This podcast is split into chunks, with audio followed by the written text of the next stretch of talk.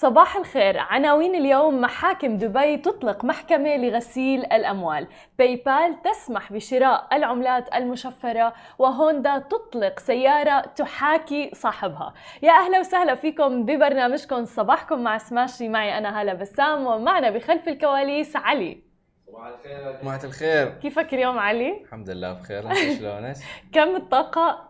من مية؟ يوم الثلاثاء ف... بصدق بصدق. من 100 30 يا ساتر. بعتوا له positive energy العالي رجاء بدنا اياه اليوم بدنا هاي هاي بدون coffee. آه بعد ال coffee. يمكن coffee 40% إن شاء الله. خلونا نبدأ بأخبارنا لليوم. نبدأ أول خبر معنا. من دبي تحديدا أنشأت محاكم دبي محكمة متخصصة في جرائم غسيل الأموال في كل من المحكمة الجزائية الابتدائية ومحكمة الاستئناف أيضا. وكان مجلس الوزراء قد أصدر في ديسمبر الماضي قرارا بإنشاء المكتب التنفيذي لمواجهة غسيل الأموال وتمويل الإرهاب.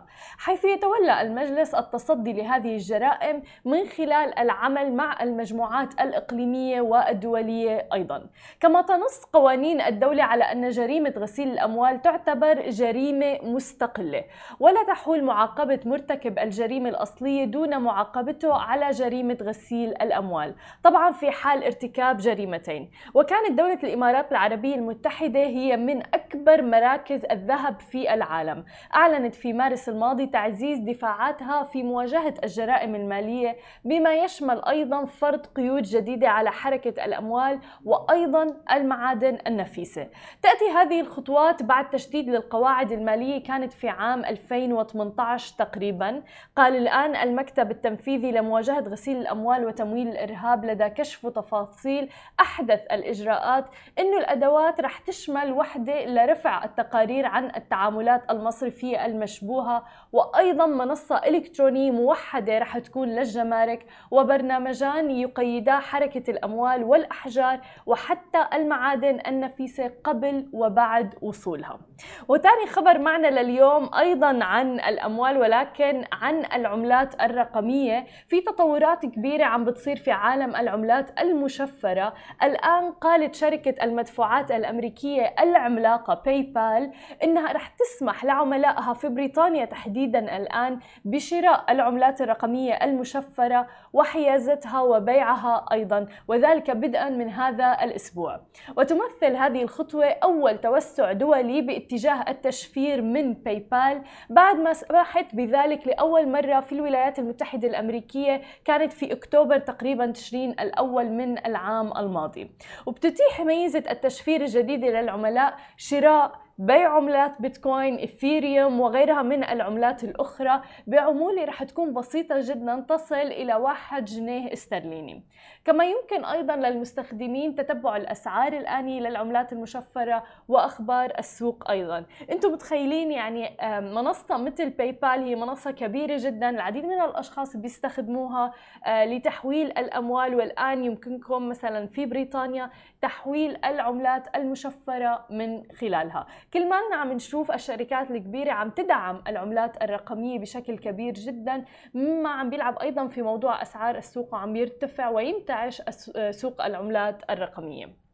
أما عن آخر خبر معنا لليوم فحبيت شارككم إياه آه، يعني شركة هوندا اليابانية عم تعمل على تطوير سيارة ذاتية القيادة. ممكن الواحد يفكر إنه إيه مثل مثل سيارة تسلا مثلا وغيرها ولكن حتى شكل السيارة مختلف جدا. هي السيارة مدمجة مع مساعد من الذكاء الاصطناعي. رح تكون مناسبة لعام 2040 حيث تصبح الرفقة مع الآلات الروبوتية أمر معتاد بحسب التوقعات.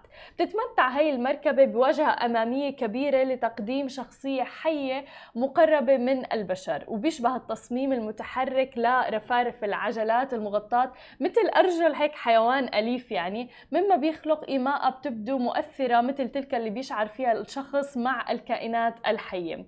كما بتتميز أيضا المركبة المسماة بنيكو بوقفة بتشبه إحدى شخصيات الكرتون وفعلا اللي بيشوف الصور تبع السيارة رح تشوفوا إنه فعلا بتشبه آه، سيارة طالعة من آه، مسلسل أو أفلام كرتون. لتقديم لمسة لطيفة بتقربها من المستخدمين أكثر الذكاء الاصطناعي اللي موجود داخل هذه المركبة رح يكون قادر على فهم مشاعر المالك والحالة الذهنية لتقديم التعاطف معه. يعني أحسن من كثير أشخاص بحياتنا. عم يضحك علي. كما إنه أيضا رح تتفاعل معه من خلال البكاء أو حتى الضحك ورح تكون قادره أيضا على تقديم الحلول والأفكار لمساعدته على تخطي الحالات المزاجية السيئة. مما طبعا رح يجعلها صديق أكثر من كونه مجرد سيارة. يعني أنتم متخيلين إنه واحد عم بيسوق مزاجه معكر رايح على الشغل مثلا أو راجع من الشغل آه وبتعدل لك مزاجك السيارة. ابي سياره صح؟ خلاص. رغم إنه شكلها آه شوي فعلا كرتوني للسيارة يعني. ما عندي مشكلة. بس علي ما عنده مشكلة يعني. 2040 عندي سيارة. خلاص. هاي أول شخص هوندا هاي أول شخص مستعد إنه يشتري السيارة. بس فعلا شكلها السياره هي كثير cute يعني وفعلا مقرب للقلب أكثر. آه بعد الفاصل مقابلتنا اليوم مع طارق الكزبري المدير الإقليمي للشرق الأوسط وشمال أفريقيا لشركة Cybereason خليكم معنا ولا تروحوا لبعيد. ورجعناكم من جديد ومعنا ضيفنا لليوم طارق الكزبري المدير الإقليمي للشرق الأوسط وشمال أفريقيا لشركة Cybereason يا أهلا وسهلا فيك معنا اليوم. صباح الخير. صباح النور.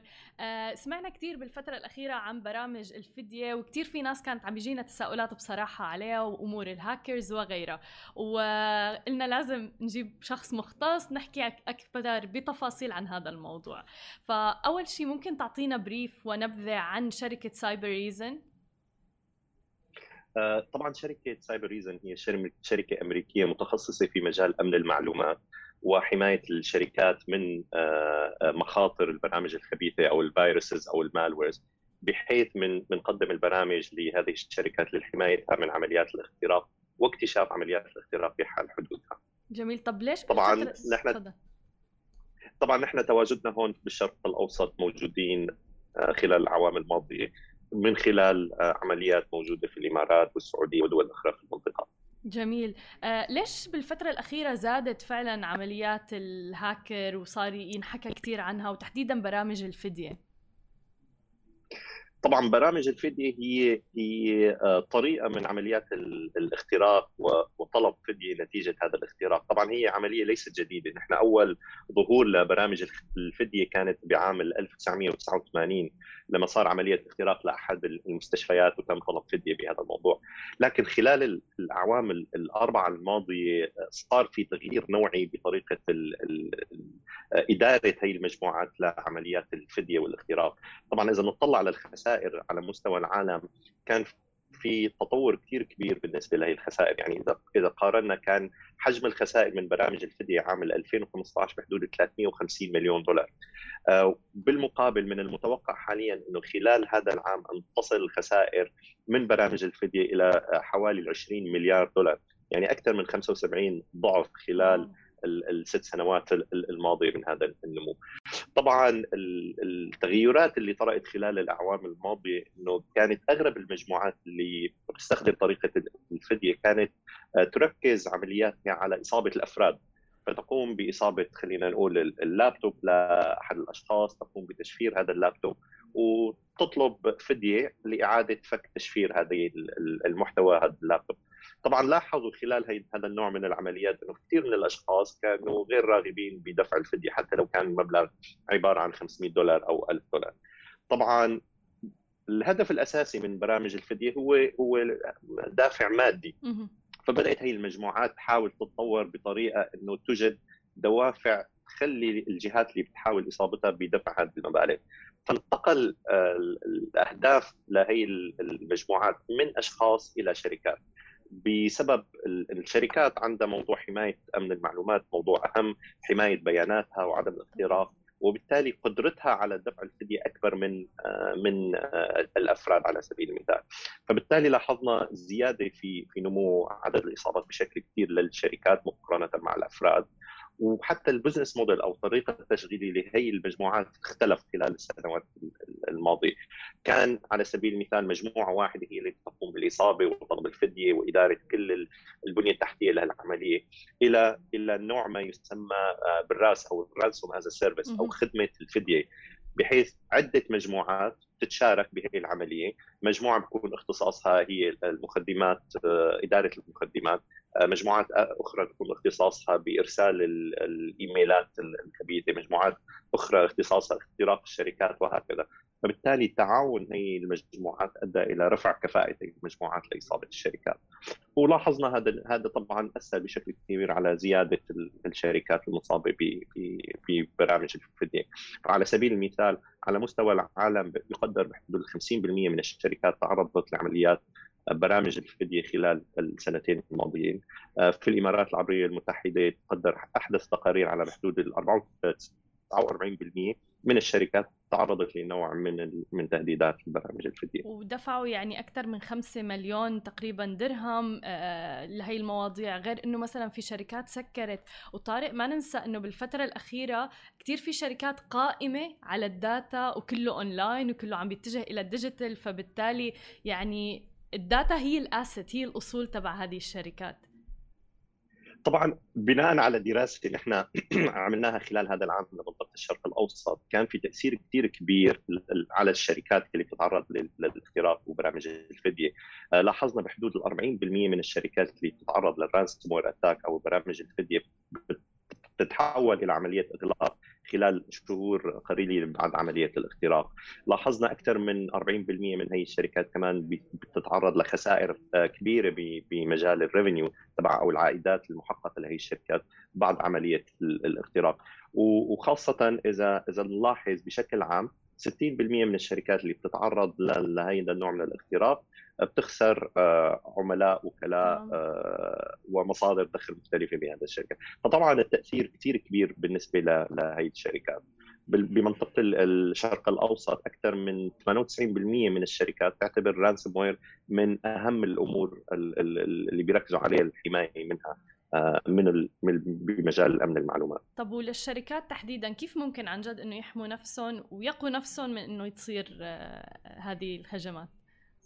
طبعا طبعا آه، دوما الوقاية خير سبيل للعلاج. فبالتالي جميع الشركات لازم تأخذ الاحتياطات والتدابير الأمنية بشكل آه، عام وخصوصا بالنسبة للرانسوم وير طبعا عملية آه، تنصيب برامج الحماية من الفيروسات خاصة اللي بتستخدم تقنيات متعددة الطبقات للحماية ليس فقط على موضوع ال signature أو ال أو ال التوقيع معينة بالنسبة للفيروسات ولكن تعتمد على أنواع مختلفة مثل ال next generation antivirus أو حتى عندها طبقات مثل ال ransomware protection وهكذا بهذا الموضوع. وتطبيق برامج اللي بنسميهم ال extended detection response اللي هي ال XDR اللي بتحاول تحلل مجموعة بيانات مختلفة بالنسبة للشركات بحيث إنه بتقدر آه، تكتشف في حال نجاح أي من هي المجموعات من اختراق الشركة وإيقافها بقبل ما تتسبب بأي نوع من من ال damage على الشركات وقد إيه مهم يكون كمان دائما في backup و backup لل backup كمان.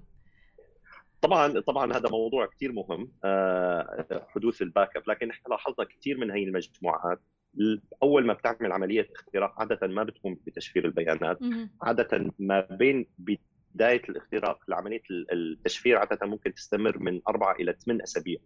خلال هاي الفترة هاي المجموعات بتقوم بتحليل الشركة كيف تشتغل تحصل على بيانات أكبر قدر ممكن تنسخ هاي المعلومات وأحد الأمور اللي تشتغل عليها هي انها تحاول توصل إلى أماكن التخزين أو ال backup بالنسبة لهي الشركات والقيام بعملية تخريبها بحيث إنه تضمن آه، بأكبر شكل ممكن عدم قدرة هي الشركات حتى على استرجاع بياناتها.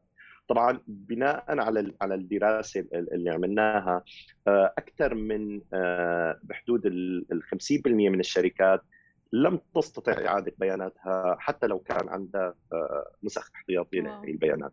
بسبب وجود إما نسخ كانت غير صحيحة أو غير سليمة أو استطاعت هي المجموعات إلى الوصول لهي النسخ الاحتياطية وتخريبها. فالوقاية هذا أمر مهم جدا.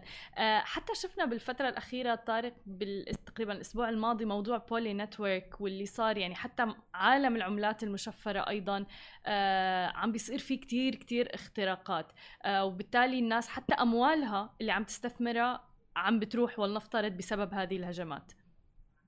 صحيح صحيح. طبعا بشكل عام أمن المعلومات أو الهجمات السيبرانية هو أمر ليس جديد. طبعا في عدة أنواع خلينا نقول من الدوافع خلف هذا الموضوع. أول موضوع اللي هو موضوع ال hacktivism أو الأشخاص المدفوعين سياسيا لعرض وجهة نظر معينة مثل كان يعني أشهر مجموعة لهذا الموضوع هن مجموعة ال Anonymous يلي كانوا بيوقفوا بمواضيع معينة آه، بهذا الموضوع. آه، لكن كمان في جهات ثانية اللي هي بتكون عادة بنسميهم الجهات المدعومة حكوميا وبيكون الهدف الأساسي لهي المجموعات هي سرقة بيانات وتخريب بنية تحتية أو شركات بحيث آه، تحقق ضرر على الاقتصاد أو على على جهة حكومية معينة بأكبر قدر ممكن. هذا النوع طبعا هو يعتبر من أخطر الأنواع وهو هو يعتبر الحرب الإلكترونية الحالية ما بين الدول أكثر من الحرب اللي بنشوفها عن طريق التلفاز. والنوع الثالث اللي هو خلينا نقول بنسميه ال financially motivated أو أو الدافع المادي لهذا النوع من الاختراقات. في كثير من المجموعات هدفهم هو هدف مادي مثل مجموعات ال ransomware أو برامج فدية أغلبها دافع مادي لأنه بيحققوا عائدات كثير عالية من هذا النوع من آه، من الهجمات والاختراقات. إذا بننظر للاختراقات بالنسبة للمحافظ النقدية أو حتى ال digital currency أو ال exchange آه، مثلا خلينا نقول ال digital currencies ال trading platform وهيك طبعا هذا الموضوع صار له أكثر من أربع خمس سنوات آه، طبعا في كثير مفهوم إنه البلوك تشين هي عبارة عن very secure platform بس عادة بأمن المعلومات هو الموضوع مو ال technology فقط هي هي اللي ممكن تكون آمنة أو لا.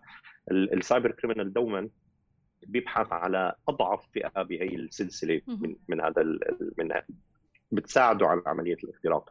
فبالتالي دوما بيحاولوا يبحثوا مثلا على كلمة سر ضعيفة موجودة لأحد الموظفين أو أو ال administrator لهي الأنظمة أو يستغلوا ثغرة بال contracts أو ال smart contracts اللي موجودة بتطبيق هي هي المحافظ أو المنصات بحيث بيستطيعوا من من استغلالها.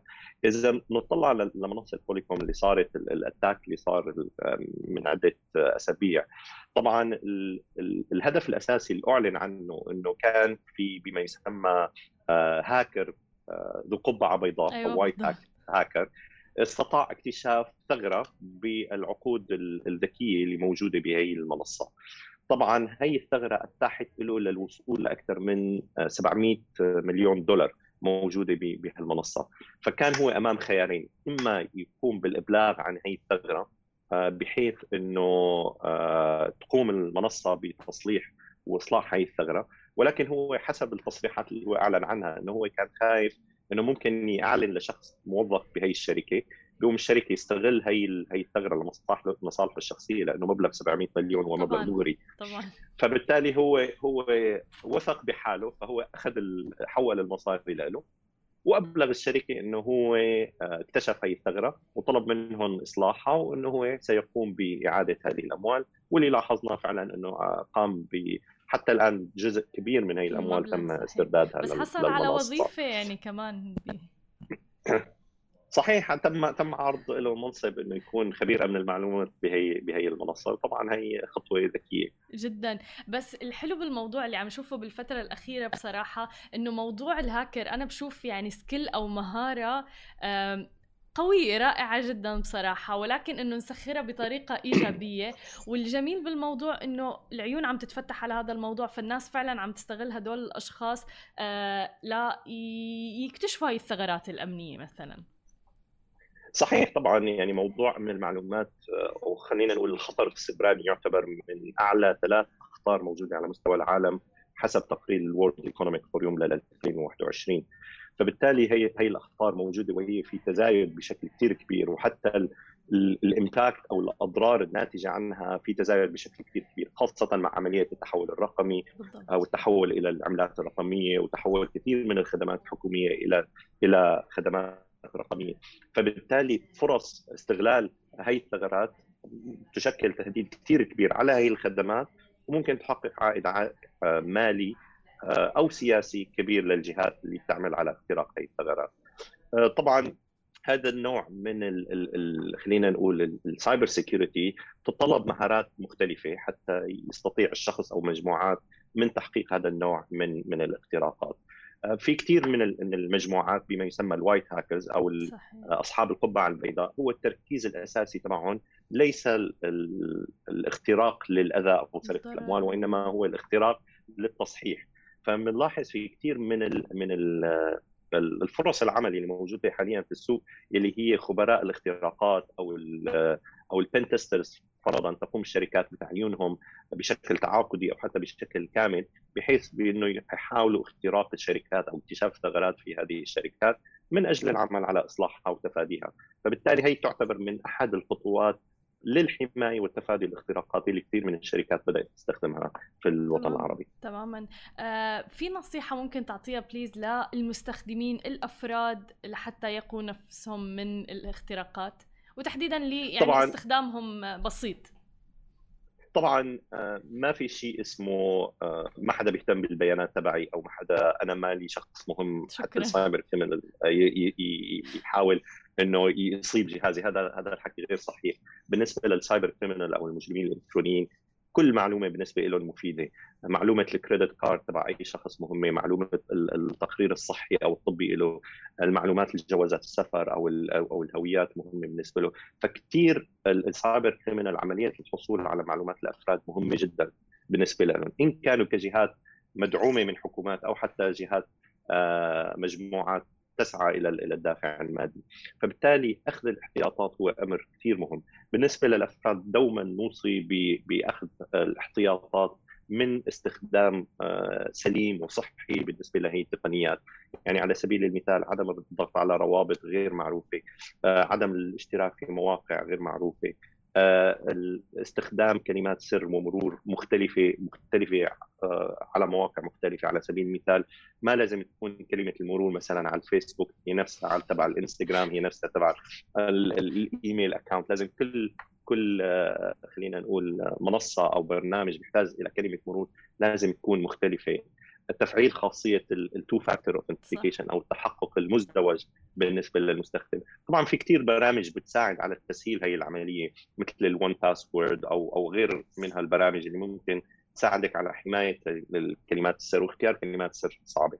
وطبعا تحميل البرامج الحماية من الفيروسات في كثير من البرامج التي بتساعد على الحماية وتخفيف هي المخاطر بشكل كثير كبير إن كان على اللابتوب أو أو الديسكتوب أو حتى على الموبايل. في كثير من الشركات يلي لها مجال عريق وخبرة جيدة في الحماية من هذا النوع من من المخاطر.